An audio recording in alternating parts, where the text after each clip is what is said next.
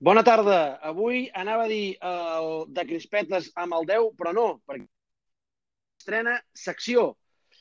La secció microones, la prèvia del crispetes. Uh, Sergi Rosals, el 10, bona tarda. Bona tarda, amic, com estàs? Molt bé, home. I escolta'm, i ens estrenem amb un partit dels, uh, crec jo, que millorets que ens pot oferir ara mateix per estat de forma, com a mínim d'un dels dos, la, la Lliga. Uh, Barça-Real Societat. Sí, sí, la Real és un equip que juga molt bé, té molts bons jugadors i és el futbol que ens agrada una mica a tots, oi? Doncs sí, el futbol que no sempre veiem. No, no, no, no, no. No, ho estem intentant, però no, no acaba de sortir. Molt dinàmic la Real, oi? De, de, de Imanol. Sí, sí, molt dinàmic. Una mica la idea del joc de posició, la idea de voler tenir la pilota, de pressionar dalt quan la perden i amb jugadors que, que saben molt bé el que fan. Especialment el que a mi m'agrada molt, que sembla que se'ns escapen tots els bons, aquests joves que fitxa el Madrid els bons i nosaltres fitxem els dolents, oi? Uh, L'Odergaard és una, una meravella. Està preparat per, per fer alguna cosa al Madrid? Jo és que sóc de l'opinió que, que estan preparats quan els posen. Quan els posen és com es preparen. Fins que no els posen no, no es veu mai. Si el Madrid té un, una idea més de sessions, el Barça potser no, no, no utilitza tant les sessions i, i pugen des de baix, però al final perquè triomfin el primer equip d'aquests dos equips han de jugar, ja sigui després de vindre una sessió des del filial, els has de posar. Llavors es veu, jo crec que sí que està, que està, està i és per, per jugar al Madrid i ser una estrella de la Lliga, sí. El Madrid, no només Odegaard, també ho està fent amb, amb diferents brasilers.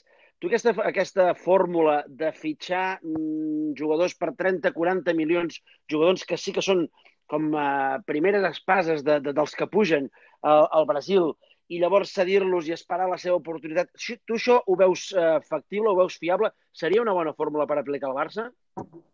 Um, no no m'acaba d'encantar. Jo sempre he pensat més en, en, en que es juguin al filial, amb el sistema de joc que, que utilitza el primer equip, en, créixer en venir des de baix. És veritat que no sempre es pot fitxar des de l'Evins i que es juguin 10 anys a la, a la cantera, però encara que siguin 2-3 anys des dels juvenils, des del filial, ja serveix. A mi m'agrada més aquesta fórmula. És veritat que de tant en tant pot sortir un jugador que dius, escolta, no, és massa pel, pel primer equip, no té, eh, pel filial, no té puesto bé, anem a provar una sessió, com el Cubo. Jo prefereixo el sistema Barça quan hi ha un entrenador que utilitza eh, els jugadors realment al primer equip. Ara, el Madrid també té una altra manera de fer les coses, mai ha tingut una, una pedrera molt potent, no, no de resultats, lògicament, que sempre estan alts, sinó de gent que puja des de dalt. No és un equip amb aquesta filosofia, per tant, a ells els hi surt bastant bé. Ara mateix tenen uns quants jugadors que, que realment són, des, de la vista, des del nostre punt de vista, bastant preocupants. Uh, L'altre dia el Minguell ens deia que per ell la fórmula que ha de, de fer el Barça és de fitxar, de trobar Stoicops pel món, de, de trobar jugadors de 21-22 anys que ja hagin demostrat al seu equip que poden ser molt importants, però que no hagin firmat ja el seu contracte, diguem, potent i que, que, que arribin per 80, 90, 100, 100 i pico, sinó a trobar-los abans. És a dir, que el Barça s'hauria d'haver eh, avançat per Haaland, s'hauria d'haver avançat per Lautaro a, a, a l'Inter i no pas fitxar-lo ara de l'Inter. Comparteixes aquesta visió? Sí. Home, clar, és que sí, clar, clar que sí, però no ara, tota la vida. L'ideal és fitxar jugadors...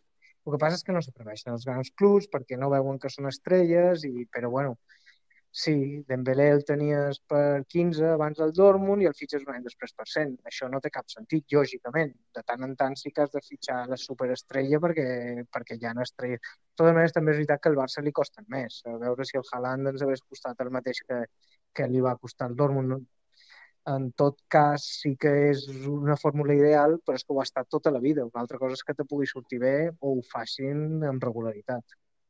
Tornant al partit d'avui, tu què esperes de, de, del partit? Què esperes de, de, de, de la Real? Una mica ens ho has dit. Què esperes del Barça?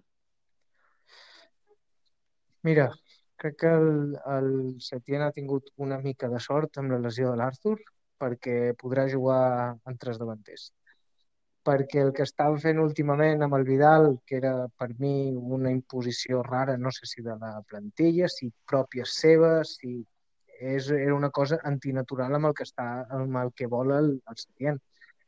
Uh, el Barça ha estat un equip d'aquests partits sense cap profunditat precisament perquè no té cap amplitud en l'atac del Barça. Amb l'Alba ho soluciones una mica per un costat, que tens un lateral que sí que t'arriba, però, però és que no estava tenint cap, cap profunditat a, a la part ofensiva de l'equip. Llavors, encara que jo preferiria que no fos l'Artur i fos un altre, el tenir un hueco lliure en el mig del camp, suposo que el Vidal o el Rakitic jugarà al mig del camp i jugarà amb el Braithwaite o l'Anso, crec que serà el Braithwaite, uh, a dalt. Ho parlàvem l'altre dia contra el Madrid, te'n recordes? Que deia... Sí, sí. Um, espero que, que jugui amb tres davanters, però em temo que no, que el Vidal ara és el, quart, el tercer davanter perquè no sap on posar-lo i l'ha de posar. Pues, pues ara crec que, que el posarà al mig del camp perquè hi ha un hueco lliure i jugarà amb tres davanters que espero que per almenys l'amplitud que faci per, per la dreta, suposo que per la dreta el Braithwaite, pues, pues pot fer mal i tenir una mica de profunditat a un equip que li falta últimament.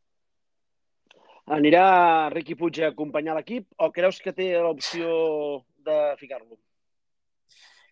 Jo és que jo és que el que estic veient és tinc la sensació, no ho sabem, eh? això mai es sap, les plantilles eh, no, mai es sap aquestes coses, però tinc la sensació de que de que hi ha, hi ha una sèrie de coses que tenia en ment el Setién que venia a fer que no, no és que no l'hagin deixat, però que en seguida ha reculat. I una d'elles és el planter. I venia, jo no sé si si quan va arribar tenia idea de posar molt planter i a la que va posar dos dies al Riqui Puig algú li va mirar amb mala cara i ho ha deixat. És una sensació que tinc que és una mica trampa perquè no estic segur, no, no he parlat mai amb el Setién, no sé el que hi ha allà dintre, però em, em dona a mi que ja no, ja no està en aquest tema, que va guanyar partits, que sap que si perd un partit posant el Riqui Puig titular li cobran per tot i que no, i que no, no s'atrevirà Jugarà 10-15 minuts? Doncs potser sí, però aquesta idea de que venia a canviar coses en aquest sentit, això ja ho he donat per perdut aquesta temporada. Dius que no has parlat bueno, mai... Ho ha dit ell, sí, ho, ha, sí, sí. ho ha dit ell, ho ha reconegut en roda de premsa, ha dit cuando bajen los titulares, pues ya entrarán los, los jóvenes. Bueno, has estat posant el Rakitic que no t'ha donat rendiment en cap partit, en cap minut dels que l'has posat, i encara així sigueix per davant de Riqui Puig, Monxo, eh, eh, Collados, etc etc. Uh, has dit que no has parlat amb Quique Setién aquesta setmana, el que ha parlat i, i, i molt ha estat Eder Saràbia. M'interessa molt saber la teva opinió de l'afer uh, Eder Saràbia. M'interessa molt, molt la teva opinió, uh, Sergi, sí. pels anys que has sigut, uh, primer per, per com a analista que ets, pels anys que has sigut futbolista i perquè vols estar uns quants anys entrenador. Explica'm com veus tu això. Mira, eh, els jugadors són molt especials, o ho som, o, o ho era quan ho era i ho, ho som.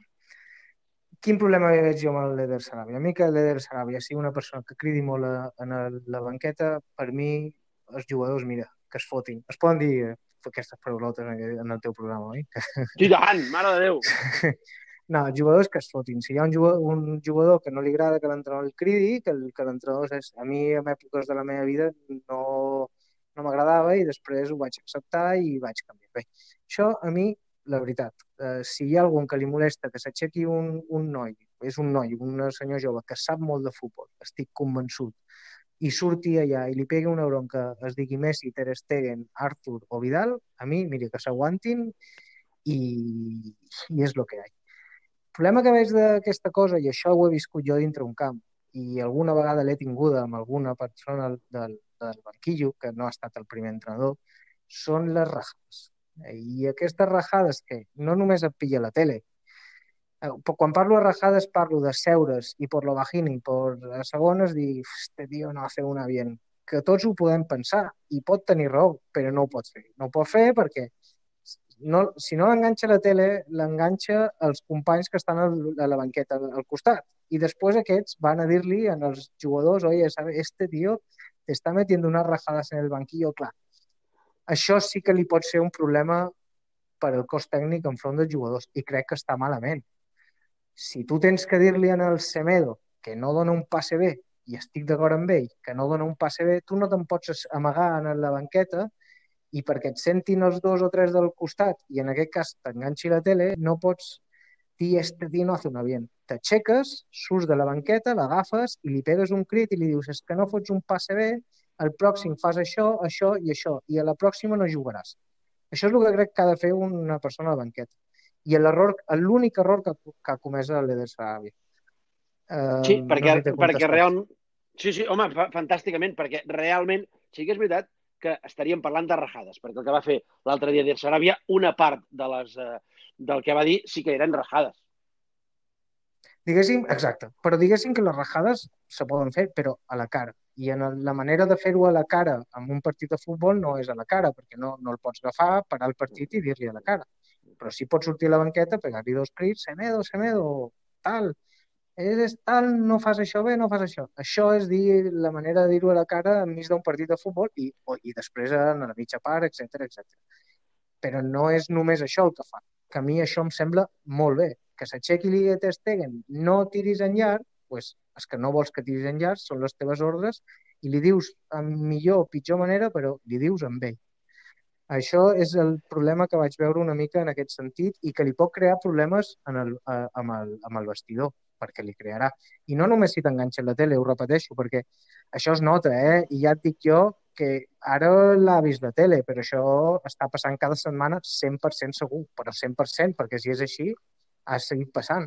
I els del costat de la banqueta s'enteren. I els que estan a prop, jugant a prop de la zona, s'enteren. I s'ho parlen entre ells. I quan hi ha aquesta aquest feeling així hi ha problemes. Jo ho he viscut, hi ha molts jugadors que saben molt bé com fotre merda del banquillo, els que no juguen, és que este te está metiendo cañas, que no saben lo que te está haciendo este por detrás, és que estos tíos... Això, això, és, això, és un, això és el vestuari en futbol, la tercera, la segona, primera i a qualsevol lloc.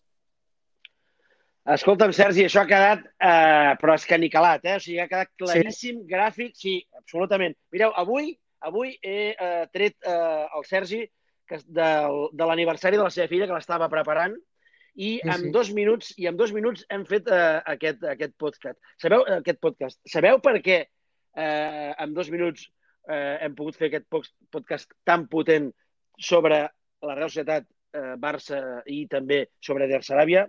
Perquè l'Aldeu és un gran, gran, gran microones. Sergi, moltes Una gràcies. abraçada, Ken. Una abraçada. A, a, a tu.